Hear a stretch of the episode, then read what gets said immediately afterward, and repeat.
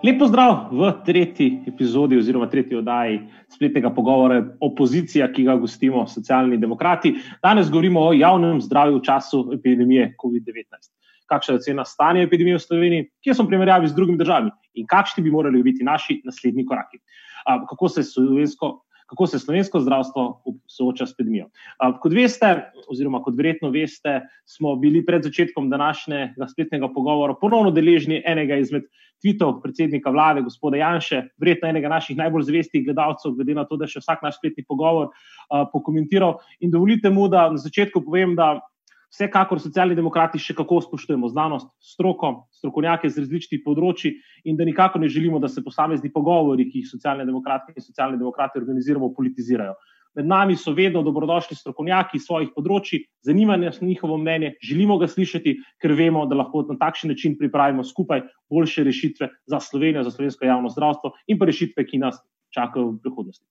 Kot vedno, tudi danes slovenski novinarji dobrodošli, da nam postavite kakršno koli vprašanje preko socialnih omrežij, hashtag opozicija oziroma preko spletnih komentarjev na Facebook streamu.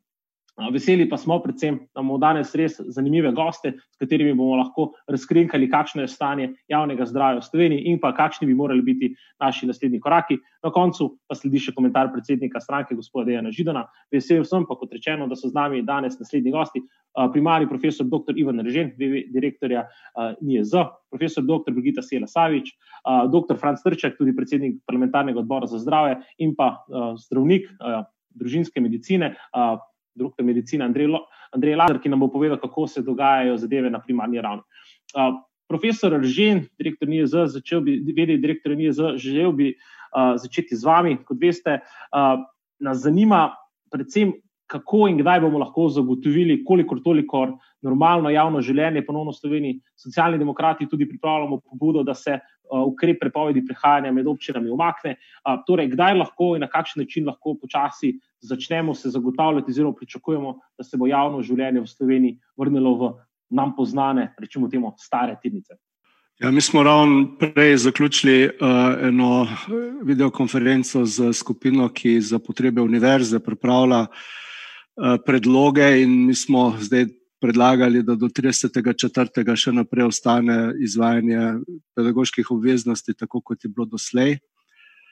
Uh, verjamem pa, da če se bo uh, pojavljanje novih primerov nadaljevalo tako kot v zadnjih nekaj dneh, da bo vlada razmislila še o kakšnih drugih sprostitvah, torej zlasti v okviru javnega življenja, uh, mogoče na področju gospodarstva, tam, kjer je potreba potem, da začnejo čimprej eh, delati velika.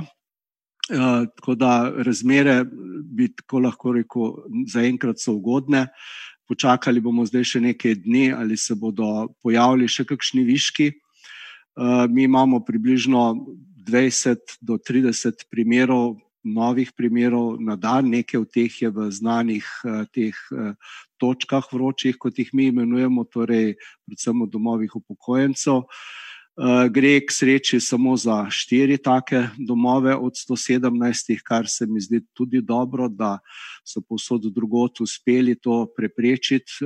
Vemo, da so v domovih upokojencev oziroma se prečem starejših občanov najbolj občutljiva populacija starejših, ki imajo tudi druge kronične bolezni, zato je zelo pomembno, da uh, naredimo vse za to, da bi jih zaščitili, da ne bi zboleli. Tako da uh, bomo videli, pač vsak dan je prinese neko novo pozitivno eh, spodbudo, če bo taka, če tako kot je pač v zadnjih dneh in temu bomo potem, bodo seveda pri, eh, ukrepali tudi v okviru vlade. Kar smo se na NIOZ odločili, eh, smo, bomo pripravili za potrebe ministrstva določene ukrepe, ki bi jih potem, ko bomo prenehali z temi bolj uh, rigoroznimi ukrepi morali spoštovati še naprej, kajti mi bomo tudi v bodoče imeli posamezne primere, ali pa nekaj primerov dnevno, verjetno, odvisno, kako se bodo stvari odvijale.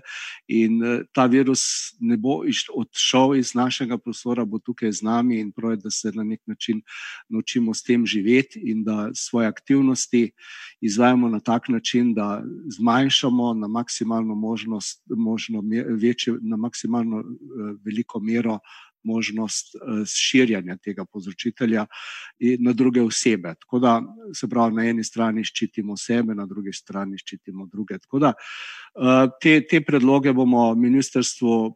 Predali. Mi smo pač, kot veste, nekako strokovna podpora Ministrstvu za zdravje, in verjamem, da bo, bodo potem v luči, seveda, tudi vseh drugih aktivnosti, te predloge tudi ukrepali, upoštevali, se prečem. Hvala, profesor. Že vsekakor, socialni demokrati smo nedvomno prepričani, da je predvsem stroka tista, ki mora delati svoje inpute, svoje vsebinske predloge, da znamo potem iskati ustrezne rešitve in da potem politika lahko to v družbene razmerja še kako dobro implementira. Brigita, pred dnevi si v javnosti zapisala, da, citiram, nikakor nočem zmanjševati teže ukrepov za preprečevanje eksponente rasti okužb za COVID-19.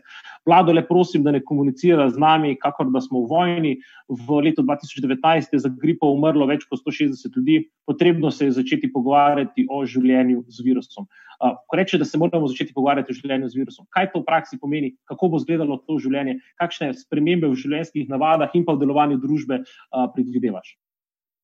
Ja, zagotovo življenje ne bo šlo v stare tirnice, kot, uh, kot si na začetku rekel, ne, ampak bodo te neke nove tirnice, ki bodo imele več zavedanja za sočloveka in za možnost prenosa uh, okužbe. Uh, definitivno eh, bomo vsi morali sprejeti to odgovornost, da bomo upoštevali te minimalne higijenske zahteve, od eh, higijene kašlja, razdalje, odgovornosti, da ne hodimo bolani okrog eh, in tako dalje, na kar je nenehno opozarjal tudi že Nacionalni inštitut za javno zdravje ker uh, sisteme družbene je potrebno spostaviti. Potrebno je spostaviti tako javne družbene sisteme kot uh, gospodarstvo. Zavedati se moramo, da ljudje, ki so bili zdaj odklonjeni na zdravstveno obravnavo, da čakajo in da tudi s tem lahko močno vplivamo na, na zdravje. Ravno tako pa seveda potrebno zagnati tudi uh, gospodarstvo, da ne bi bilo prevelike škode. Ključna je naša odgovornost, da zaščitimo najbolj ranljive. Eh, COVID-19 se nam bo pojavilo tudi v naslednji zimi, ker gre pač za uh, kar hudo nalezljivo virusno obolenje, in dokler ne bomo imeli ustreznega cepiva, ne bomo v veliki meri varni. Zato je zelo pomembno, da v tem obdobju znamo zaščititi starejše, tiste osebe s kroničnimi obolenji, to so lahko tudi delavci v delovnih organizacijah, ki, delajo, ki živijo za svojo kronično boleznijo, in tistimi, ki so v neki fazi akutnega, agresivnega zdravljenja. Tudi te bo potrebno zaščititi. Ključna stvar, ki se zdaj kaže, so nekako ranljivost starejših in pa domovi za starejše. Kot je profesor že rekel, imamo zdaj okužbo v štirih domovih, kar pa seveda ne pomeni, da ni nevarnosti, da bi se ta okužba prenašala tudi eh, naprej. Zato je izjemnega pomena, da te kadre, ki so v domovih za starejše in kjer je že okužba. In v krajih, kjer je okužba bolj prisotna, regijska, eh, regijska prisotnost okužbe je pomembna, da povečamo število kadra, se pravi, da prerasporejamo zdravstveni kader iz primarne in sekundarne ravni ker ne smemo si predstavljati, da te kadre, ki so tam, obvladujejo prenos okužb oziroma njegovo prepričevanje, to je izjemno, izjemnega pomena. Potem pa tudi področja, kot je prehrana, oskrba. Domovi pravijo, da nimajo ljudi, ki bi kuhali, pospravljali in tako naprej. Imamo pa osebe, ki delujejo v vrtcih, osnovnih šolah, pa bi jih lahko v tem v tem težkem obdobju premestili tja in omogočili v bistvu normalizacijo razmer tudi v domovih. Tukaj se tudi pričakuje neka splošna usmeritev nacionalne komisije za kakovost, pač pardon, nacionalne komisije za obvladovanje bolnišničnih okužb, kjer bi lahko dali sistemske usmeritve in predstavniki bolnišnic, se pravi komisije za bolnišnične okužbe, pomagali regijskim domovom pri spostavitvi higijenskih razmer, da bi se ta prenos med tistimi, ki so okuženi in tisti, ki niso, vzpostavil. Znanja ni in ga je treba nesti tja, kjer ga potrebujejo. Hvala, Brigita. dobro si povedala, v bistvu, kako mora politika začeti bolj neposredno posegati tudi v zdravstveno polje, predvsem z, z vidika krepitve javnega zdravstva. Uh, Dovolj, da nadaljujem z, z, z tabo, tovariš Trček, prvi mimo grede, dobrodošel v našem prvem pogovoru, pa tudi v mojem imenu še dobrodošel v poslanski skupini socialnih demokratov. Tovariš Trček, zdaj si že koliko leto, pa pol, skoraj dve leti predsednik odbora za zdravstvo v državnem zboru.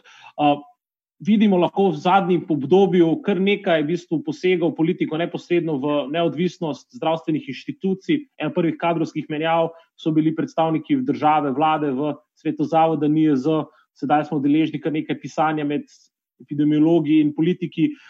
Kje je ta meja med stroko in politiko, ki bi jo kot javnost in kot bi jo kot politiki morali upoštevati, da ne ogrozimo javnega zdravja zaradi nekih politikanskih ali političnih namenov? Jaz se spomnim še časov, ko smo bili na ministrstvu za izobraževanje, za, me, za ministra Pikala, je bila beseda oziroma navodilo NJZ, kar se javnega zdravja v nalezljivih bolezni tiče sveto. Mi smo to strogo upoštevali, ker smo vedeli, da tukaj vendarle nedvomno potrebno slediti epidemiološki stroki. Kje je zdaj ta meja med stroko in politiko, ko se soočamo z epidemijo in, javnim, in vprašanjem javnega zdravja? Ja, hvala. hvala na vprašanju. Zdaj, vmes, ko si ga podstavljal, sem se spomnil nekaj, kar sem že večkrat uh, rekel. Ne. Mi bomo sebe misleča, se, če mi pustiš izraz, normalna družba, ko ob menjavi oblasti ne bo menjave uh, na strokovnih pozicijah. A gre to za sovo, a gre to za NIZ. Ko bomo prišli v to stanje, da se bomo zavedali, da določeni ljudje, da jim rečemo, uh, ducat let zasedajo te, eh, te pozicije in z njimi povezane odgovornosti.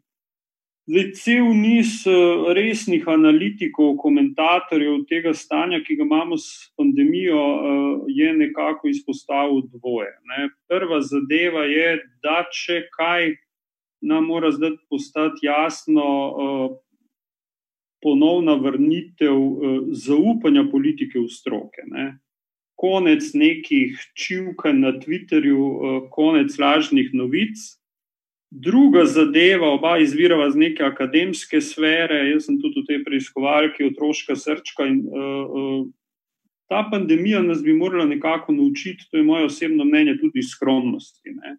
Mi imamo velike težave z ubijanjem nekih ali z razgradnjo nekih uh, egotripov. Seveda, eh, sta metodični dvom, vključno s hudičevimi advokati, eh, znotraj vsakih disciplin nekaj, kar potrebujemo. Brez tega ne bi bilo razvoja znanosti, brez tega ne bi bilo eh, razvoja družb, ampak seveda, če nam kaj šepa, trenutno, primerjalno gledano, nam šepa komunikacija na, na neki politični ravni. Ne. Zdaj, tle bi se lahko bom rekel, naša vlada zgledovala tako po Hrvaški, ker teh težav nimajo.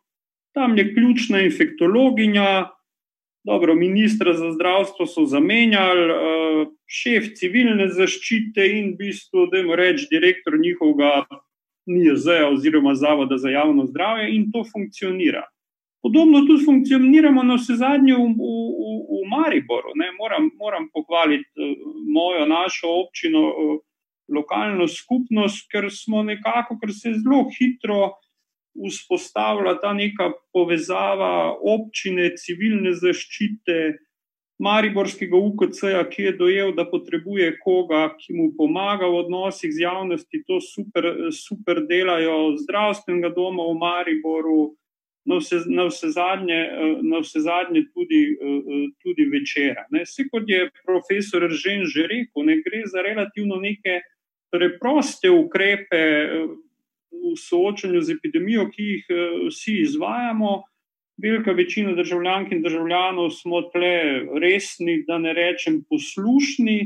Eh, ključno osko grlo, ki ga jaz vidim, je komuniciranje. Ne, jaz osebno niti nekako, dobro, kot analitik, mogoče, ampak osebno jaz ne razumem, kje ima predsednik vlade časa obračunavati z ključnim posvetovalnim telesom, ki ima čas obračunavati svetovno zdravstveno organizacijo, ki imajo sam si bil državni sekretar, ki imajo državni sekretarji čas obračunavati z, z, z, z vsem živim. Ne, in, Mene je bolj kot konkretno tega virusa, ki ga bomo nekako morali domestificirati, ker je rekel profesor Ržen, mene je bolj strah virusa te politike, belskanja, če se, če se tako izrazim. Ne? Oziroma, bom kar rekel, kar imam na koncu jezika, te politične stekline. Ne? Tega se, tega se moramo nekako znebiti, da ne bom predolg. Hvala. Ja, sej, tukaj v bistvu moramo vedno videti, v bistvu, da je ključno, da bi vsi delali v javnem interesu, ne pa neke kratkovidne politične uh, motive ali kakorkoli druge. In uh, Andrej, kot družinski zdravnik, si to besedno na prvi, prvih bojnih vrstah, zdaj, če se uporabi s to vojaško metaforo, ki jo radi uporabljajo na Grigorčičevi dan danes. Uh, kakšno je dogajanje na primarni zdravstveni ravni, ali obstaja neko zaupanje splošne javnosti na terenu do epidemiološke stroke, ali bi na javnost recimo začelo delovati tudi zelo pomirjujoče, če bi ljudi obveščali, koliko je že vseh ozdraveli, za katere smo recimo zvedeli, da so okuženi, ker tega podatka, vse jaz še do zdaj v javnosti nisem zasledil. Predvsem pa kako se v zdravstveni domovi soočate z, z epidemijo, ki je bila razglašena. Ja, lepo zdrav. Uh, jaz bi se v imenu vseh zdravstvenih delavcev najprej zahvalil ljudem, da upoštevajo vse te nasvete, uh, v bistvu omejevalne, ki jim gotovo uh, zbujajo neko nelagodje, predvsem z ekonomskega vidika, tokrat ne. Pa tudi neka realen strah, recimo za tiste, ki vidimo preko meja, je, da se nam ne bi slučajno. Eh, dogajali kakšni eh, scenariji, ki smo jim pričali v epicentrih eh, teh v bistvu, okužb. Ne. Tako, mi smo se izjemno dobro organizirali na primarnem nivoju, kar se tiče same organizacije dela.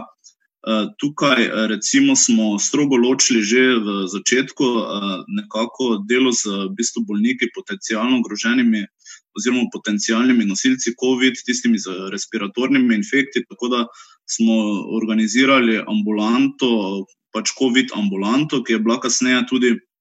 So zreducirali to število na 16 točk, na to smo ponovno nekoliko povečali, tako da mi v bistvu na Ptuju jemljemo brise eh, ljudem eh, eh, sami.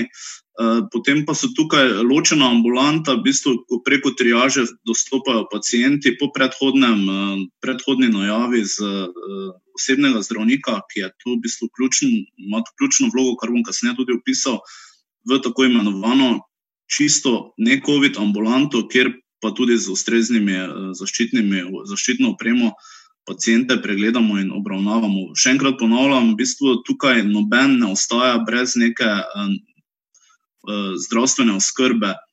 In uh, tem, v tem trenutku se Slovenija, ne, glede tega, močno pozna uh, dosedajni napori, ki so bili vloženi v razvoj stroke družinske medicine, referenčnih ambulant in tako naprej, da imamo tako dobro, uh, bistvo vodene in uh, kronične bolnike, da dejansko ne beležimo nekih uh, uh, akutnih poslabšanj v tem trenutku. In uh, tudi vloga družinskega zdravnika v tem času je izjemna. Mi namreč pacijente uh, zelo dobro poznamo in jih lahko s pomočjo vodenja nadaljavo tudi obravnavamo, bom rekel, zelo kvalitetno. Uh, recimo, bom en banalen primer povedal. Recimo, nekdo kliče, da ga boli v predelu sinusov da ima nek gnojav izcedek in tako naprej. Ne, recimo, in reče, doktor Lazar, ste se spomnite, ne, to je enako kot je bilo lani, povsem enaki simptomi. Ne. Se pravi, neka obravnava pacijenta, ki ga poznaš, poznaš njegovo socialno uh, ozadje, medicinsko je popolnoma drugačna. Recimo, če, če obravnavaš nekoga, ki je dejansko ga ki to skrbo potrebuje, ali pa nekoga, ki, ki ga sploh ne poznaš, ne, njegovih eh, nobenih okoliščin, niti zdravstvenih, niti nič. Tako da tukaj eh, je ta zahvala največjo težavo. Predstavlja definitivno uh, pomankanje uh, v bistvu osebne varovalne opreme, bom rekel, potencijalno pomankanje. Zakaj? Ker uh, zahvala ljudem gre, da, trenutna, uh, da so trenutne kapacitete za uh, obravnavo v takšni, takšnem obsegu, ki, imamo, eh, ki ga imamo danes, epidemije, so neko kratko, kratko časovno obdobje zadostne. Če bi pa zadeva eskalirala, ne, pa bi se znašli v, v izjemnih stiskah. Morate vedeti, da strah pred tem, da recimo delaš brez ustrezne zaščitne opreme, s tem tvegaš prenose okužb na tudi konc koncev domače, starejši kolegi so še celo bolj ogroženi in to v bistvu gotovo vpliva tudi na kvaliteto obravnave tudi pacijentov. Tako da jaz menim, da je potrebno vse napore vlagati v to, da se zagotovi ustrezno število, ustrezna količina osebne varovalne opreme, kar lahko spremljamo, da se na večjih nivojih tudi dogaja. Tu je treba vključiti vse možne resurse, od diplomacije do gospodarskih družb, ki ima možnost nam v bistvu to omogočiti uporabo tega. Ne. In to je ključno, ker če ti v bistvu si varen na delovnem okolju, potem lahko pomagaš ljudem, če ne, pa pride do porasta obolevnosti, pa tudi umrljivosti, kot vidimo v Italiji, nekaj deset zdravnikov izgubilo življenje v tej bitki.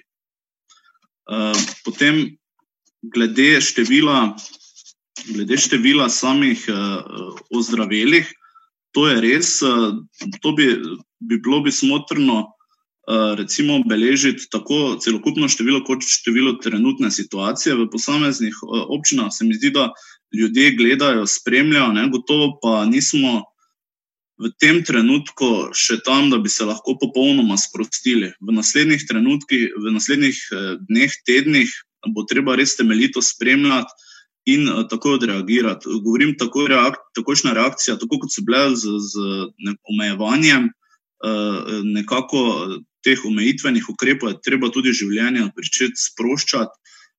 Konec koncev tudi v zdravstvu nas je na dolgi rok ne, vseeno strah poslabšanja oziroma težav, ki, ki bi prišle zaradi nediagnosticiranja ne vem, nekakšnih novih bolezni in glavnem elektivnih operacij, podaljšale bi se čakalne dobe, tako da ob podaljševanju teh ukrepov je potrebno imeti res statistiko pred seboj, ne, in to glede na to, da so te omejitve glede občin dali, se lahko vidi točno, v kateri občini je večji problem, lahko se tudi v bistvu regijsko zadeve vodijo ločeno. Rekel, no.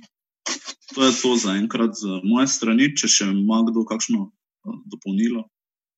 Ja, hvala, Andrej. Uh, bom izkoristil to priložnost, da se še v svojem imenu, v imenu socialnih demokratov, socialnih demokratov, verjamem tudi večine slovenske, oziroma kar celote slovenske javnosti, iskreno zahvalim vsem zdravnikom, vsem medicinskim sestram, vsem pomožnemu osebju, vsem zdravstvenim delovcem, takšnim in drugačnim, vsem, ki ste to besedno žrtvujete, ne samo svoje življenje, žrtvujete to besedno skoraj svoje življenje in ste na prvi uh, vrstah pomagate, da se izrazi ta epidemija in se vam res zahvaljujem in sploh si ne želim predstavljati, kako bi slovenska družba izgledala, če ne bi imeli tako uh, vendarle dobro organiziranega javnega zdravstvenega sistema.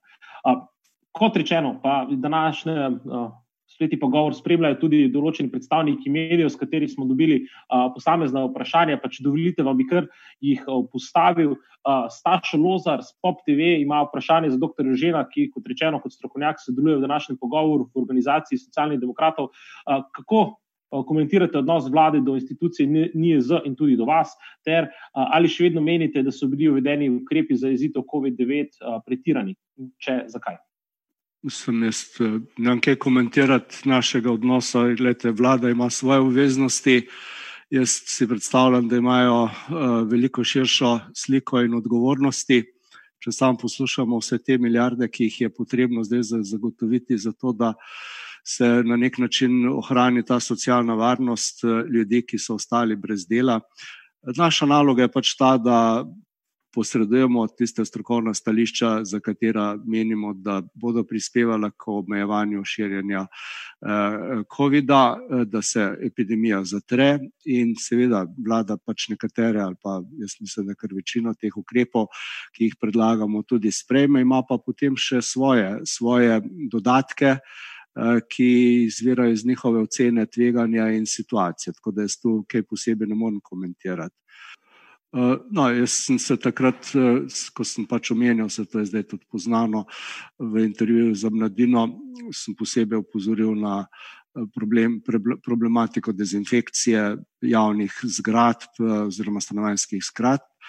Eh, glede strokovnega stališča, pač praktično ni mogoče zagotoviti, da bi bila taka, taka dezinfekcija uspešna, kajti že takoj, ko naslednji pride in se tega, teh, teh predmetov dotakne, je spet okuž, predmet lahko okužen, če gre za okuženo osebo. Torej, veliko bolj pomembno je v tem kontekstu podarjati odgovornost vsakega posameznika, ki mora predpostavljati, da so predmeti, s katerimi prihajajo v stik, okuženi in tako tudi potem ravna. Se pravi, na vsak način si temeljito umije roke, potem, ko pride v stanovanje, oziroma tam, kjer si pač to lahko, in prepreči, da bi se s temi rokami, ki so potencialno okužene, dotikal uh, sluznic preko katerih bi potem prišlo lahko do okužbe. Se pravi, po, gre bolj za to, kje je poudarek. Ne? Učinkovitost takega ukrepa je glede na stroške, glede na težo izvedljivosti, predvsem pa kar nas, ki veliko delamo z ljudmi in imamo veliko izkušenj tudi s tem, kako sledijo prebivalci posameznim ukrepom, zelo dosledno, praviloma. Ne? Eh, nas skrbi to, da bi eh, to, ker bi bilo pač vse razkuženo, prispevalo k lažni varnosti. Se pravi, da zdaj je vse razkuženo, torej sem varen in lahko določene ukrepe opustim. Skratka, gre pač za nijanse. Uh, Očitno, očitno si pač tu nismo, nismo blizu, kar se tega tiče. Torej, ocenjujejo vladi, da je vseeno potrebno tudi to narediti, zaradi tega, ker so pač nekatere druge države to počele. Mi pač tu svetujemo tisto, kar je strokovno. Tako da, kar, za čemer mi kot strokovnjaki lahko uh, stojimo. Tako da tu v tem se mogoče razlikujemo od stališč vlade. Ha, najlepša hvala. Imamo pa še dve vprašanji s strani Špele Lubez TV Slovenija, tudi za vas, dr. Režen. In sicer prvo, um, katere ukrepe konkretno uh, ste predlagali vladi in niso bili upoštevani? Eh, jaz se ne morem spomniti, da bi bili kakšni ukrepi, ki jih vlada ne bi, ne bi uh, sprejela. Jaz mislim, da so bili vsi sprejeti. Uh, gre za to, da je potem še nekatere druge uvedla, za katere pa mi smatramo, da niso potrebni, da so pač nesorazmerno, da so nesorazmerni glede na situacijo. Ne. To je recimo gibanje zgolj znotraj občine, ki občine so pač pri nas zelo, nekatere tudi zelo majhne, druge so velike. Pomembno je, če se gibljemo in kadar se gibljemo, je, da ohranjamo to fizično uh, distanco. To je tisto, kar je pomembno. Če se pa nekdo pelje z, avt z avtom iz ene občine v drugo, pa mi ne vidimo nobenega tveganja za širjenje okužbe. Tako da, uh, ja, ob upoštevanju, seveda, vseh teh mer. Očitno je vlada menila, da uh, je potrebno vseeno to bolj omejiti, zaradi tega, ker nekateri se pač ne držijo ukrepov, tudi kar se fizične distance tiče in kar se tiče recimo higijenskih ukrepov, ki jih mi vse čas propagiramo eh, in so pač se odločili tako, kot so se. Ne, z, uh, pač, ja. To je pač njihova, njihova odgovornost. No, ni, ni bil, v tem pogledu pač naš predlog ni šel v to smer. Hm, hvala. Eh, pa še eno vprašanje, ste ni špili lobet TV Slovenije in sicer, kako ocenjujete potek epidemije pri nas in učinke ukrepov? Eh, jaz mislim, da je naš potek epidemije pri nas potekal zelo dobro, glede na razmere, ki jih imajo v drugih okoljih, v sosednjih državah. To, kar večkrat učitajo, da smo začeli z ukrepi prepozno. Eh, naše stališče je, da so bili ukrepi uvedeni v primernem trenutku, se pravi takrat, ko se je začela pojavljati bolezen v skupnosti, takrat je prišlo do razglasitve epidemije in do vseh teh ukrepov, ki so poznani. Predtem smo pa uspeli, uspevali praktično vse primere slediti v epidemiološkem smislu, torej njihove kontakte in smo njihove kontakte potem tudi testirali. Na ta način smo v tistem začetnem obdobju lahko zelo omejili širjenje epidemije in to se nam zdaj dobro kaže. Dobro se nam kaže tudi to, da so bili ukrepi omejevanja uh, uh, fizičnega, uh, fizičnega stika uvedeni zelo zgodaj, torej zdaj teče že četrti teden. In ne samo, da so bili uvedeni zelo zgodaj, uvedeni so bili tudi zelo temeljito, torej ne zgolj samo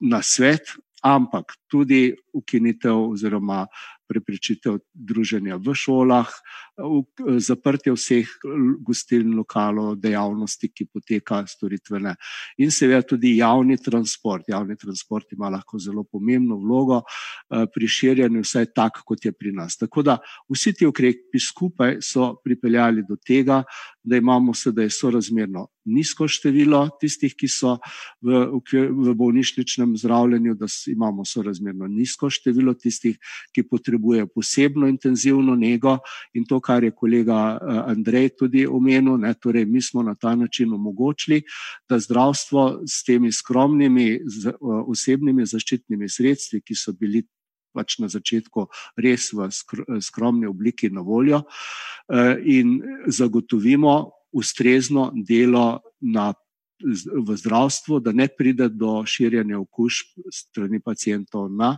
zdravstvene delavce in seveda zdravstvenih delavcev na pacijente. To je, to je bil naš cilj in mislim, da smo ga dosegli, tako da zdaj napenjati mišice, kdo je bolj tule dobre ukrepe ali pa hitreje ukrepe nastavilo.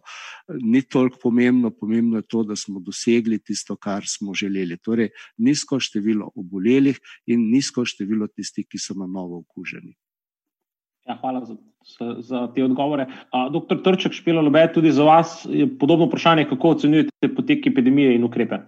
Ja, jaz se strinjam s tem, kar je eh, profesor Žen uh, povedal. Osebno tudi mislim, da ni časa zdaj pametovati, kaj bi, če bi, ako, ako bi. Verjetno te neke analize bomo delali, ko bo epidemija uh, za nami. Seveda se je tle tudi izkazalo, kako pomemben je javni zdravstveni sistem, kako pomembna je primarna raven. In, uh, kolega Andrej Lazar je zelo jasno povedal, kaj so neka oska grla, s čim se je treba ukvarjati. Ja, ob tem razmišljanju o zagonu gospodarstva je treba tudi razmišljati, da bo potrebno tudi nazaj, če se tako izrazim, zagnati zdravstvo v tistem, tistem delu, da zaradi ukvarjanja s korono ne bi, ne bi pridelali nekih novih zamud ali v preveliki meri ali celo smrtnosti. Eh, to so neke, to so neke zadeve, s katerimi se moramo ukvarjati. Eh, suma sumarum, pa tudi eh, analize kažejo, kar je sploh znano, ne, da v, v, v primeru nekih. To zadevnih, a so to ujme, a je to epidemija, kot zdaj, nekako smo državljanke in državljani Slovenije, v veliki meri odgovorna, racionalna eh, bitja in v bistvu nehemo, nehemo delati nekega kažina, nehemo delati nekega notranjega dodatnega sovražnika, kar delno žal vlada počne, če ga, če ga enostavno ni. Dajmo, dajmo ta čas uh, nameniti uh, še, še boljšemu ukvarjanju, uh, še da moramo reči, zniževanju krivulje, če se tako izrazim, in tudi razmisleku tisti dan, dan, dan pozneje. To, hvala. Ja, uh, imamo še uh, dve vprašanje. Danes vidimo, da imamo kar nekaj novinarskih vprašanj. Očitno smo res zadeli zelo pomembno temo. Uh, in sicer Snežena Ilija, Radio Slovenija, ponovno za vas, profesor Žen, uh, vprašanje, ali ustrajate, da so bili ukrepi prekomerni, kot ste dejali v nadaljem intervjuju? Jaz mislim, če je gospa poslušala prej, da sem že odgovoril na to. Drži. Naslednje vprašanje pa je, kaj sporočate glede mask, tudi Svetovna zdravstvena organizacija jih zdaj priporoča in kaj se je dogajalo na petkovi seji, kakšne so resnici svoje glase med njimi za in vlado in kakšno bo sodelovanje v prihodnje. Glede, ne vem, kakšno bo to, bo vlada pač odločila sama, kot bo. E, Glede, kar se tiče mask, je pač Nacionalni inštitut uh, opozoril na samem začetku, kaj je značilno za te maske, koga ščitijo in na kakšen način. Uh, nismo se pa neč opredeljevali, da kdo ne sme mask nositi ali kakorkoli, to se vidi tudi na, z naše spletne strani. Mi smo pač povedali, da v vsakem primeru, ne glede na to, kakšno masko nosiš, moraš biti zelo pozoren, da jo nosiš na pravilen način in da potem, ko jo odstraniš, da si temeljito roke umiješ in da s tem, ko pač masko imamo, to še ni, to ni edini ukrep, mi moramo še vedno skrbeti za socialno to pač oziroma fizično distanco, kot zdaj to bolj pravilno imenujemo in moramo skrbeti za pravilno kašljanje in pravilno higieno eh, rok. Mislim, to so edini tisti ukrepi, ki v resnici lahko pomagajo. Se pravi, če bomo se tega držali, potem smo v veliki meri zmanjšali možnost širjenja. Smo pa v Sloveniji navajeni na to, da radi hodimo okrog bolni in pokažemo drugim, kako smo nepogrešljivi pri svojem delu. In to je ena od stvari, ki bo verjetno v naslednjem obdobju tudi zaznamovala naše življenje, naše delo. Torej, uh, ljudje imajo nek kolektivni spomin si ustvarjajo zdaj, ki bo še kar nekaj časa trajal. In jaz mislim, da to se bo pokazalo pozitivno tudi z vidika preprečevanja drugih nalezljivih bolezni, ki se prenašajo na enak način, kot se prenaša eh, virus, ki povzroča COVID. Tako da eh, nam je to ena težka eh, šola. Ne? In je prav, da se pač iz nje, glede na to, kako eh, smo zdaj vsi upeti, to tudi naučimo in da to potem ponesemo v prihodnost. Ja, hvala. Uh, pa še eno vprašanje, pa, gremo vendarle, Andrej, naprej na tebe. In sicer uh, tudi strani uh, Snežene Iljaš za vas, uh, dr. Reženi, sicer uh, kako odgovarjate na očitke dr. Kreka, ki jih je danes dejal, da je Kuprski niz že s februarja opozarjal Ljubljano, da so nujni, da so nujni strožji ukrepi, uh, da naj ne bi bili upoštevani. Zdaj, pri nas imamo skupino uh, epidemiologov, ki se ukvarja z obvladovanjem te uh, epidemije. Milan Krek je odličen strokovnjak za preprečevanje drog in ga imamo vsi v čislih, kar se tega tiče. Eh, ne vem pa in nemam informacij, da bi eh, se vključeval tudi v preprečevanje eh, širjanja COVID in da bi bil tukaj zavrnjen. Prav gotovo so kolegi epidemiologi, ki so to situacijo vse čas pročevali, ravnali skladno s tistim, kar stroka epidemiološka na tem področju določa, skladno z spremljanjem vseh tistih Eh, informacij, ki so si jih uspeli pridobiti tako strani Evropskega centra za nalezljive bolezni, kot tudi strani drugih držav, ki so ukrepe uvajale. Tako da sem, jaz ja, imam povsem v celoti zaupanje v to, da so bili ti ukrepi ustrezni in nimam pa zdaj točne informacije, kaj je kolega Krek imel v mislih, ko je menil, da ni bil slišan na ustrezen način. To ne vem. Ja, hvala. Zdaj pa imam še vprašanje strani Snežen Iljaš, zate Andrej, dr. Lazar. In sicer, kakšno je zdaj delo družinskih zdravnikov, koliko je ostalih bolnikov, koliko glede korone, kdaj lahko pričakujete sprostitev, kar se tega tiče in kakšne bo delo prihodnje? Torej, ja, zdaj nekako opažamo upad obiska. Moram priznati, da se ljudje obnašajo zelo odgovorno, tudi v recimo v dežurstva prihajajo uh, le tisti nujni primeri. Uh, prej smo imeli recimo koga, ki je nekritično presodil svojo uh, recimo, stanje, pa je po nepotrebnem recimo obremenjeval tudi dežurno službo in tako naprej. Sedaj tega pra praktično ni oziroma so primeri redki. Eh, mi opažamo dejansko prepolovljeno obravnavo pacijentov, sicer jih obravnavamo nadaljavo, pa vendar so te obravnave zaradi teh komunikacijskih, uh, bi rekel, izzivov uh, lahko tudi dolgotrajne uh, in pridobivamo razne informacije. Preko telefonov, ljudje nam pošiljajo fotografije, preko elektronske pošte.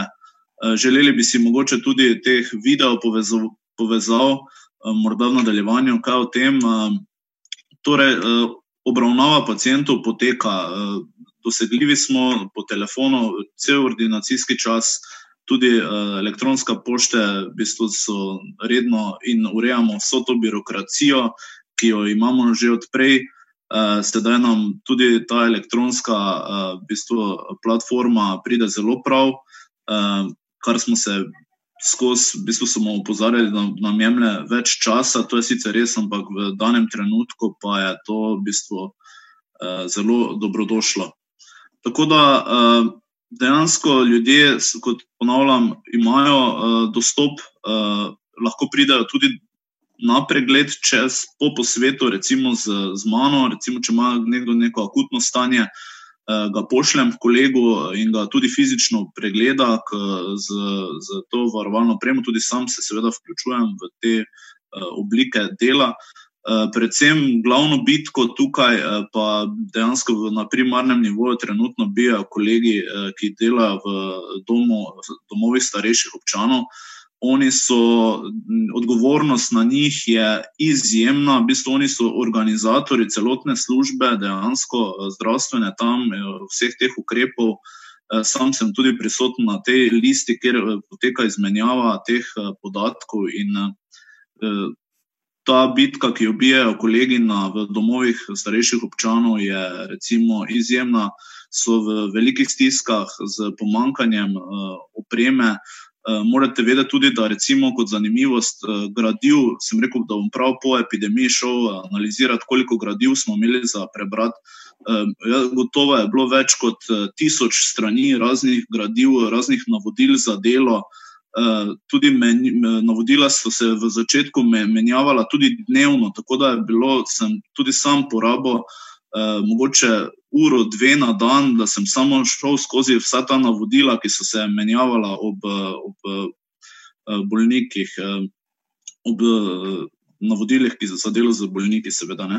Zraven so tudi navodila, uh, potem sledijo iz strani Zavoda za zdravstveno zavarovanje, Eh, Slovenije. Ne? Se pravi, vse to je za sabo prineslo tudi marsikatere birokratske sprostitve in eh, hkrati tudi eh, nova, nova, nova navodila za nas, družinske zdravnike, ki smo kar naenkrat tudi glavni odločevalci v primeru bolniških staležev, dolgotrajnih. Tako da neverjetna odgovornost je na družinski medicini. To me v bistvu navdaja na nek način z ponosom, hkrati pa smo eh, dejansko tukaj močno, eh, bom rekel, obremenjeni. Potem zanimivo, recimo, če je bil predpis antibiotika še pred dvema mesecoma eh, nadaljavo, popoln tabu in strokovno nedopustno, je zdaj postal to dejansko modus operandi. Ne?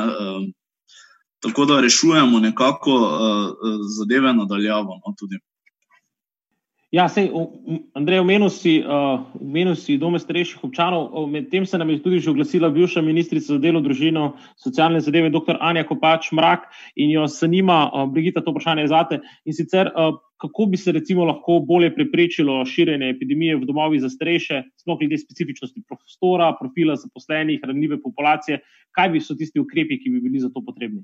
Ja, hvala za vprašanje. Dejansko je ta kriza pokazala na težke kadrovske razmere v domovih za starejše, ki niso stvar današnjega časa, ampak se na njih s pojavom dolgožive družbe opozarja že zelo dolgo.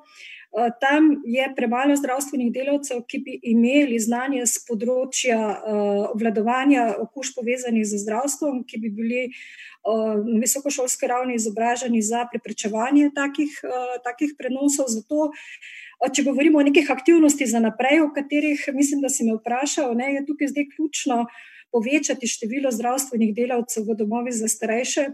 Tam imamo tako negovalne oddelke, kot oddelke za demenco, in eh, kadra na tem področju je eh, absolutno malo.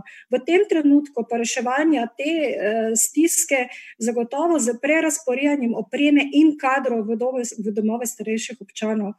Seveda bo vsaka ustanova rekla, da ja, mi imamo premalo opreme, ampak če gre za neko situacijo, ko je v domu toliko in toliko okuženih, je potrebno prerasporediti obstoječo opremo tudi v domove domove, da bodo lahko eh, delali varno. Zavedati se moramo, da direktori domov za starejše občane niso strokovnjaki, niso zdravstveni strokovnjaki, tudi redki od njih so strokovnjaki z področja gerontologije. Zdaj se pa jih dotikajo dejansko zelo strokovne teme, in zato, kot sem prej omenila, je poleg epidemiologov eh, Nacionalnega inštituta regijskih, eh, regijskih eh, zavodov potrebno vstopati tudi iz zdravstvenih ustanov in jim pomagati pri zajezitvi te okužbe in prerasporediti kadre na to eh, mesto. Rada bi izpostavila še tudi en fenomen. da je v zdravstvu in sociali dela 70 odstotkov žensk, da gre tukaj za, za zelo slabo plačane poklice. Tudi družbeno, bom rekla, javno mnenje sicer zelo spoštuje, naprimer medicinske sestre so takoj za gasilce na drugem, mnenju, drugem mestu, ampak zdravstvena politika poklicev, ki delajo v negi in v skrbi, ne spoštuje dovolj. In temu področju Svetovna zdravstvena organizacija napoveduje, da bo leta 2030 manjkalo 9 milijonov medicinskih sester v svetu, bo potrebno v kadrovski strategiji razvoja zdravstva nameniti posebno pozornost. Manjka zdravnikov, predvsem zdravnikov družinske medicine, in manjka diplomiranih medicinskih sester, tako v zdravstvu, kot v sociali.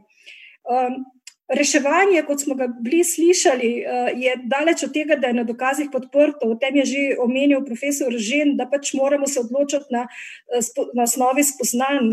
Epidemija je, je le velik zdravstveni problem.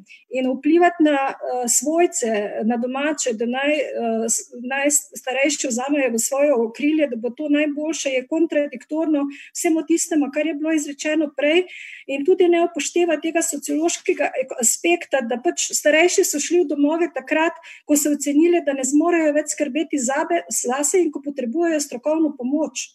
In zagotovo svojci niso ne zdravniki, ne medicinske sestre, ne fizioterapeuti, ne dietetiki in tako dalje, ne, da bi jim lahko ustrezno pomagali. In takih, ki bi lahko šli na dom, je izjemno, izjemno malo, in mislim, da je tukaj bil tak neustrezen pritisk spostavljen, ki dejansko za večino svojcev je neuresničljiv in tudi ni primeren, ker strokovno skrbo imajo v domovih. Tako da toliko z moje strani. Hvala, Brigita. Imamo pa še eno vprašanje strani Snežen Iljaš z Radia Slovenija, Andrej Lazar Zate in sicer kaj se bo tudi zaradi korone spremenilo, kakšne, oziroma kakšne bodo posledice teh izrednih razmer, recimo morebitnega zanemarjanja ostalih bolnikov, kakšna bo škoda, ki bi lahko, oziroma bo zaradi tega morebiti nastala. Jaz upam, da zahvaljujoč pač s pravim tem ukrepom, ki smo jih izvedli, da bo ta škoda majhna, ampak gotovo bojo neki zaostanki v diagnostiki, pa tudi zdravljenje zahtevnejših bolnikov je gotovo oteženo. Zdaj, spremenilo se bo marsikaj. Po, epidemi, po prvi epidemiji, po prvem tem valu epidemije, bomo gotovo organizirali ambulantno delo drugače. Dostop do družinskih zdravnikov bo, bo gotovo moral biti omejen z namenom. Organizacijsko menim, ne, z namenom preprečevanja nadaljnih okužb, tako da bo verjetno stroka razmišljala v tej smeri, da se nekako loči delo z, z ogroženimi skupinami bolnikov, potem obravnava nekaj akutno bolnih, bo še zmeraj potekala v bolj v drugačni zaščitni opremi, kot samo delo z neakutnimi, kroničnimi bolniki. Jaz upam, da se bo začela uporabljati tudi dolgo, dolgo, dolgo željena telemedicina, Uh, mi, ravno kar se zdaj prijavljamo, zdravstveni dom napotuje uh, na en razpis, da bi zagnali tudi uh, ta obravnavo kroničnih bolnikov nadaljavo. In jaz mislim, da je v tem temu tudi prihodnost, uh, da zmanjšamo te obiske. Jaz sem skozi ponavljal svojim pacijentom, tudi v času prejšnjih, v bistvu manjših. Uh, E, epidemije, grip e, in tako naprej, da naj se izogibajo čakalnici, ampak e, to je naletelo na gluha ušesa. Ne. Tudi ne glede na to, da je COVID-19 35 krat hujša bolezen od gripe, tudi ostale bolezni nalezljive, ki se prenašajo tako. V času nekih uh, viškov ne, so lahko problematične, predvsem za ogrožene uh, pacijente. Tako da uh, delo bo naravnano tako, da bomo verjetno več informacij kliničnih eh, pridobivali pred samim obiskom, da bomo eh, v bistvu razvrstili pacijente prostorsko in časovno drugače. Jaz upam, da bo teh posledic na zdravje manj. Tukaj je premik ne, napram, v tej medicini, v to elektronsko obliko vodenja vseeno pripomogel k temu, da lahko določene stvari, eh, recimo, skomuniciramo tudi preko, eh, preko nadaljavo. Ne. Upam, da bo tega več, da bo tudi neke video povezave, da bo to tudi ustrezno vse skupaj vrednoteno, ker mi skozi capljamo v bistvu v neki preteklosti, glede vrednotenja naših storitev in tako naprej. Uh, upam, da bo ZZS tudi partner uh, naprej, ki bo v bistvu bolj poslušal uh, zdravnike, predvsem pa tudi sam opažam, da se premalo politika eh, v vseh teh letih obrača na zdravniško zbornico Slovenije, ki je vir vseh informacij in ima tudi svoje ekspertne skupine. In mislim, da bi lahko to orodje ne, z roko v roki za zdravniško zbornico Slovenije, da bi lahko lepo peljali zgodbe prenove slovenskega zdravstva. To je odlično izhodišče za, za tovariša Trčka. Uh, Franjo, uh, kje je tu sodelovanje politike z zdravniško zbornico, z stroko? Uh, tale epidemija je pokazala, da v bistvu politika, vsaj aktualna, očitno ni bila sposobna se dobro soočiti z tem izzivom. Pa če bi lahko, recimo, še te kolobocije okoli mask, ki se pojavljajo zadnje čase, pokomentiral, nekaj časa je to vrnjak, potem ni to vrnjak, zdaj se vsi ukvarjamo z Toninovo mamo. Uh, kaj se dogaja? Dobro, neke družinske razmere in drugo naj KPK preučuje. Ne, tudi nimam nekega čudežnega globusa, ki bi videl neke tovornjake, ki jih ni, tako da to ne bi komentiral, ali pa sem na, na ta način. Glejte, v funkciji predsedovanja tega odbora jaz nisem imel težav s sodelovanjem z komorkoli, ne glede na tudi da je reč, politično gravi, gravitacijo določenih, določenih ljudi.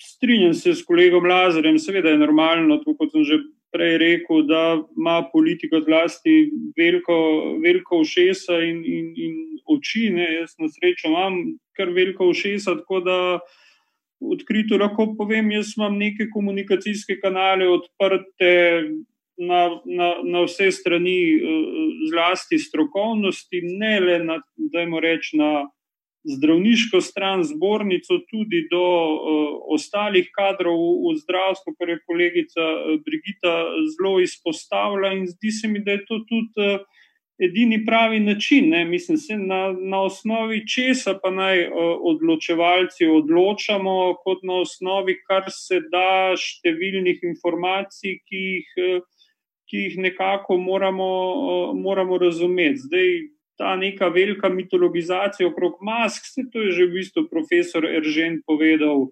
Da je bilo zelo jasno povedano, kaj je namen teh mask, kako ščitijo, koga ščitijo. Ampak tudi te maske ne smejo biti na nek način lažna pobuda. Veste, jaz imam to srečo, da imam v družini toliko ljudi, ki delajo v zdravstvu in si znam roke prati praviloma že desetletje, pa pol, če se tako izrazim. Ne. Ostali se pa to naučite in je to najboljši ukrep. To, hvala.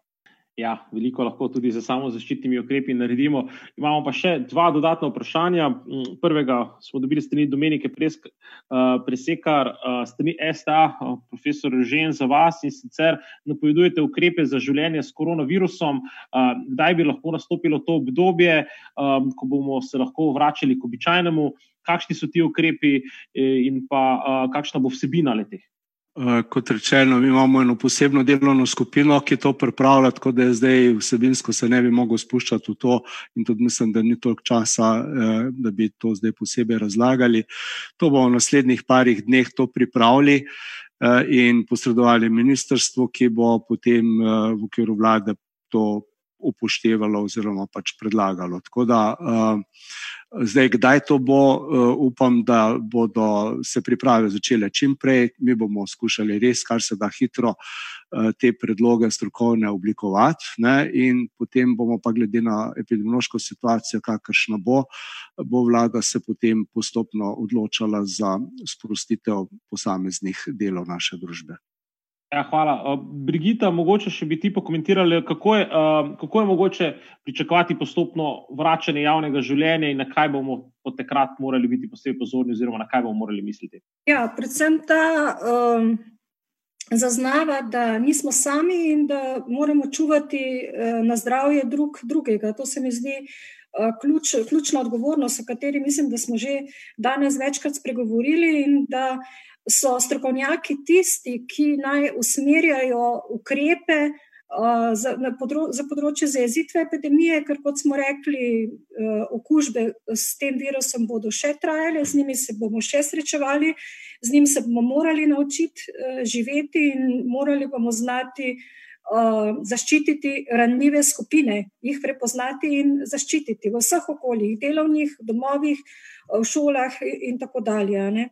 Bi pa tukaj izpostavila še mogoče eno stvar in to je reakcija Slovenije na prekinitev um, študijskih programov zdravstvene smeri. Uh, večina, uh, 90% evropskih držav je reagiralo na ta način, da študija reguliranih poklicev ni prekinilo. Se pravi, da so študenti uh, predavanja in tisti, kjer se, se lahko izobražujejo nadaljavo, se izobražujejo naprej, uh, medtem ko se klinična praksa tudi ni ukinila. V Sloveniji pa smo nekako prišli do situacije, da so začele bolnišnice zavračati študente medicine, zdravstvene njege in babištva, uh, in tudi uh, fakultete smo nekako razumeli ta navodila, da se študij prekine. Rada bi upozorila, da je Evropska komisija ravno v petek smo dobili dopis, da če je le mogoče, da se naj študijski proces pelje naprej, da če zdravstveni sistem potrebuje medicince zadnjih letnikov, zdravstveno nego zadnjih letnikov in babištvo zadnjih letnikov, da jih ne vključi z začasno licenco v delo in da potem po končani epidemiji zaključijo eh, študij in da se jim te uh, klinično delo tudi prizna. Uh, ker, če se ne bomo tukaj sprejeli prave odločitve, bomo dejansko ostali brez ene generacije diplomiranih medicinskih sester in babic, ki imajo kar veliko prakse v zadnjih letnikih. In jaz mislim, da je to tudi nekako nas nakazuje na to, da je treba začeti normalizirati tudi, tudi vzgojni procese, se pravi šolanje. In pa seveda postopno odpiranje vseh sektorjev, družbenih, gospodarskih, in tako naprej. Ja, z, zelo... z novim zavedanjem. Življenje bo drugačno, definitivno bo življenje drugačno. In najmanj kar od tega, da si bomo znali omivati roke, je tudi to, da bomo postali obzirni do drugih. In politika ima tukaj zelo veliko težo, da je zrela in da spoštuje uh, strokovnjake, da jih povezuje in da ne uporablja epidemije za politično všečnost.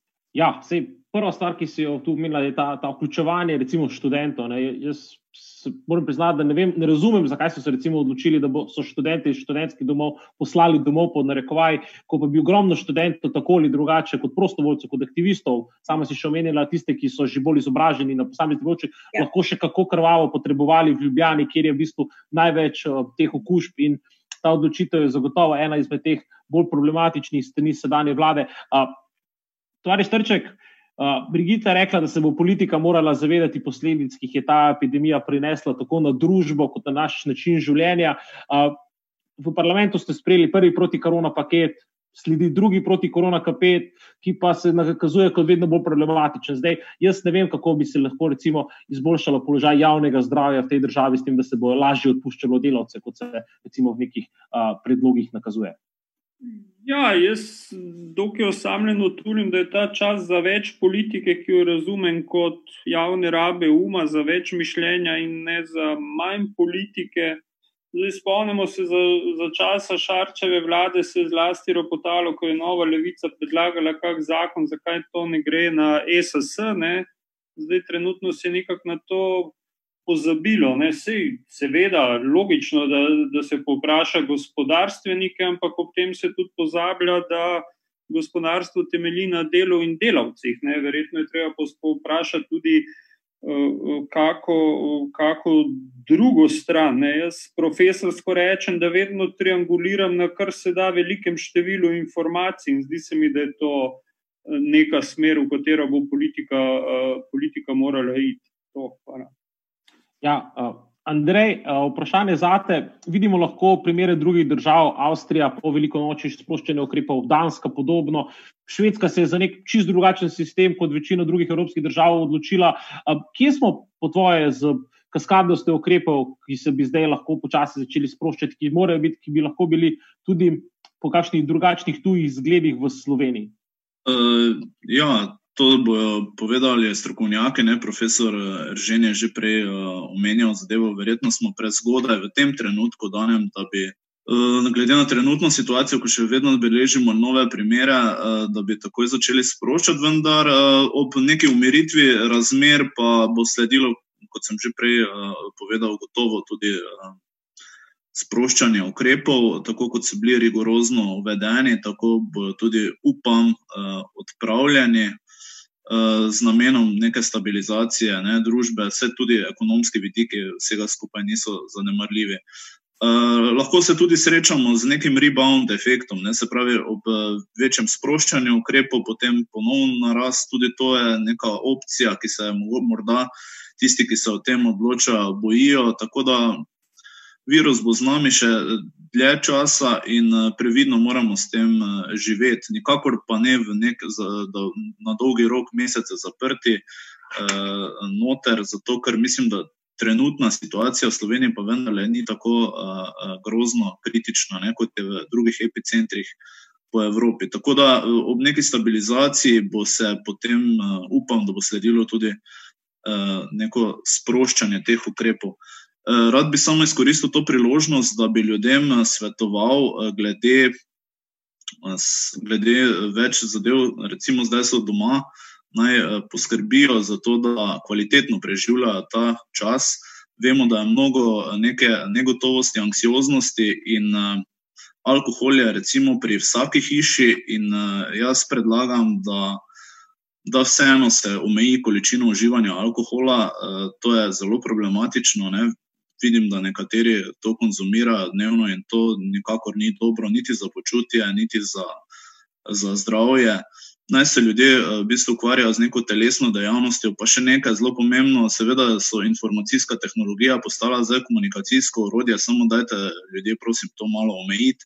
Dajte si neko rok, da ste tudi aplikacijo dobiti, koliko časa eh, si na tem eni števci na dan na nekih teh družabnih omrežjih, ker eh, je v bistvu to na nek način do določene mere, da pridobiš nekaj informacije, da se slišiš z ljudmi vredno, ko pa to preraste neko, neko to pa povzroča tudi nek nemir, neko anksioznost in tudi to vodi do dodatno poslabšanje enega psihičnega počutja in vse skupaj. Ne.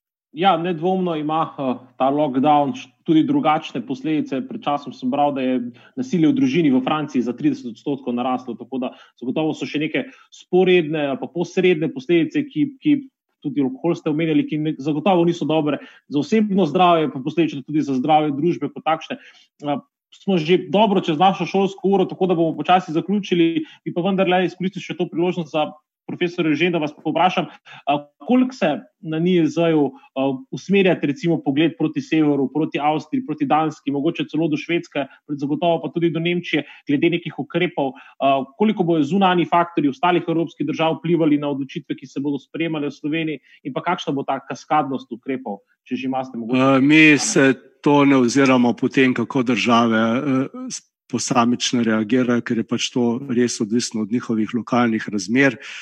Za nas je pomemben ta strokovni vidik, kaj je potrebno upoštevati, tudi potem, ko bomo že prenehali, s, uh, oziroma ko bomo začeli kot družba spet delovati kaj je tisto, kaj, s kakšnimi zaščitnimi ukrepi lahko preprečimo širjenje tudi v teh razmerah, ko bomo že imeli to družbo, družbo aktivirano, eh, ne oziramo se pa mi, kaj, kaj drugi počnejo. Veste, vsak pač počne svoje in glede na svoje možnosti. Eh, vem, da pač švedi so popolnoma drugače pristopili, bomo videli, kako se bo to pokazalo. To je pač eden, en, en od vidikov, ampak lejte, mi živimo v Sloveniji in mi se pač moramo prilagoditi tem razmeram, ki jih imamo tukaj. In uh, moja ocena je, in to je čisto objektivno tudi pogledano, se lahko številke pogledamo, da smo stvar dobro upravili doslej in da bomo tudi naprej, se pa zavezujemo v imenu mojih sodelavk in sodelavcev. Tako da vabim, da še naprej spremljate našo spletno stran. Vem, da jih je zelo veliko sprememb, ki jih je kolega Andrej omenjal, ampak tako pač je v tem času stvari vedno na novo. Izvemo, kaj je pomembnega in takrat je pač potrebno to tudi popraviti. Ja, hvala. Preden dam besedo predsedniku socialnih demokratov, tovarišu Židanu, da naredi nek povzetek, kaj bo tudi stranka odzela iz tega spletnega pogovora. Imam še dve vprašanje strani novinarjev, profesor Rožen, za vas, pa vas tu prosim za razumevanje. Prvo je strani Staše Lozar, Pop TV. Kako komentirate navedbo dr. Kreka, da ne dovoli epidemiologom komunikacije z javnostjo, in pa vprašanje strani medijske hiše časopisa Delo, ali se boste prijavili za direktorja NIZ, se vam zdi in ali se vam zdi ustrezno, da se vodstvo NIZ menja prav zdaj v teh časih? Uh, zdaj ne, ne, ne poznam točno, kaj je kolega Krek rekel, tako da to ne morem težko komentirati. Jaz samo poznam že dolga leta, ker sem pač dolgo leta v tej na tem področju delam, eh, da so to res izjemni strokovnjaki, ki jim je gre popolnoma zaupati. Da to, če je bilo pa kakšen, kakšna informacija, ki jo kolega Krek ni imel, bomo pač to v naslednjih dneh tudi. tudi uh, ugotovili in mu dali pač ustrezne informacije, tako da ne bo uh, pač, uh, imel potem vtisa, da je kaj bilo narobe narejenega. Uh, kar se pa tiče moje kandidature, jaz imam svoje leta, kot vidite, lasni več, tako da prepuščam to priložnost mladim. Prav gotovo so tukaj ljudje, ki lahko to krmilo prevzamejo. Inštitut je velik in z velikim številom strokovnjakov, tako da mislim, da je to res izziv za kakšnega mlajšega. Hvala, profesor Žen, hvala, dr. Savič, tovarič Trček, Andrej. Vsem skupaj hvala za sodelovanje v današnjem že tretjem spletnem pogovoru opozicija, ki ga pripravljamo socialni demokrati. Nadaljujemo naslednji teden, morda se zna zgoditi, da bomo imeli že kakšno oddajo tekom tedna, morda celo s kakšnim dodatnim okrepitvijo na mojem sedežu oziroma na sosednjih sedežih. Mi pa zdaj le za zaključek še dodam, prosim za besedo predsednika socialnih demokratov, tovariša Židana, Dejan, izvoli. Hvala, Jrnej, pa spoštovani gosti, tudi eh, z moje strani lepo zdrav in iskreno zahvala, da ste se našemu vabilu odzvali. Socialni demokrati okrogle mize, strokovne razprave, zadnje čase pa spletne pogovore organiziramo na način, da poleg ljudi, ki so člani ali pa Eh, podporniki socialnih demokratov, povabimo tudi druge, ki so, ki so kompetentni, ki imajo znanje, so zanimivi, pa ne na zadnje, da imajo tudi pogum, da sodelujejo. In do sedaj so ta vabila bila vedno pozitivno sprejeta in se vsem tudi iskreno zahvaljujem. Tako bomo delali tudi naprej. Eh, tudi vam, gospod profesor, ki ste se odzvali na ta način, pa gospod eh, družinski zdravnik, eh, smo hvaležni, ker ste bili tukaj z nami. Glede na današnjo razpravo, pa sem že bolj prepričan, da moramo bolj poslušati in bolj spoštovati slovensko stroko. In tudi državljanke in državljane. Ni potrebno groziti, potrebno je samo odkrito povedati, kje smo, kam moramo priti in kaj je potrebno narediti. In ljudje zaupanje in spoštovanje vedno vrnejo za svojim odnosom do tistih, ki tako tudi govorimo. Torej, želim si, da imamo politiko, ki je politika tudi pobude in pohvale, in ne politiko, ki grozi našim ljudem. Vse na ta način bomo dejansko oblikovali vključujočo družbo. Eh, zelo pomembno pa je, da se vsi zavedamo, da to ni prva epidemija, s katero se soočamo, ne kot Slovenija, ne kot Evropa in ne kot svet, tudi ni zadnja. In tudi s tem povzročiteljem, kakor za vsemi ostalimi, do sedaj se bomo in se moramo naučiti živeti. Pa se bomo naučili. Nekoliko bomo tudi definirali in spremenili naše navade, kako je bilo že rečeno, tudi način delovanja vendar tudi za tem povzročiteljem bomo živeli ljudi vredno življenje. Tako da na koncu dovolite iskrena hvala vsem, ki delate za nas, zlasti v tem trenutku najbolj izpostavljenem, tukaj v prvi vrsti ste osebje, ki skrbi za našo zdravje, ki se bori za življenje posameznikov, ki so težko bolni. Veseli me, ker so številke takšne, kakršne so, da za temi številkami ne poskušamo sposobnost slovenskega zdravstvenega sistema. Številke so drugačne, kakor so bile napovedano, verjetno tudi zato, ker so dobri ukrepi sprejeti bili od začetka in kar je mogoče bolj pomembno, ker jih ljudje spoštujemo in verjamem, da bo tako tudi naprej. Torej, dovolite, da izkoristim to možnost, še enkrat poziv našim ljudem, državljankam in državljanom, danes pomeni manj druženja, pomeni več to, da smo omejeni na svoj družinski krog, da varujemo s tem sebe še bolj pomembno pa je tiste, ki so najbolj ranljivi, starejše, kronično bolne in skupaj bomo zmagali. Socialni demokrati bomo s to vrstnimi pogovori nadaljevali, čez čas bomo prišli celo na dva, kasneje tudi na štiri to vrstne pogovore na teden.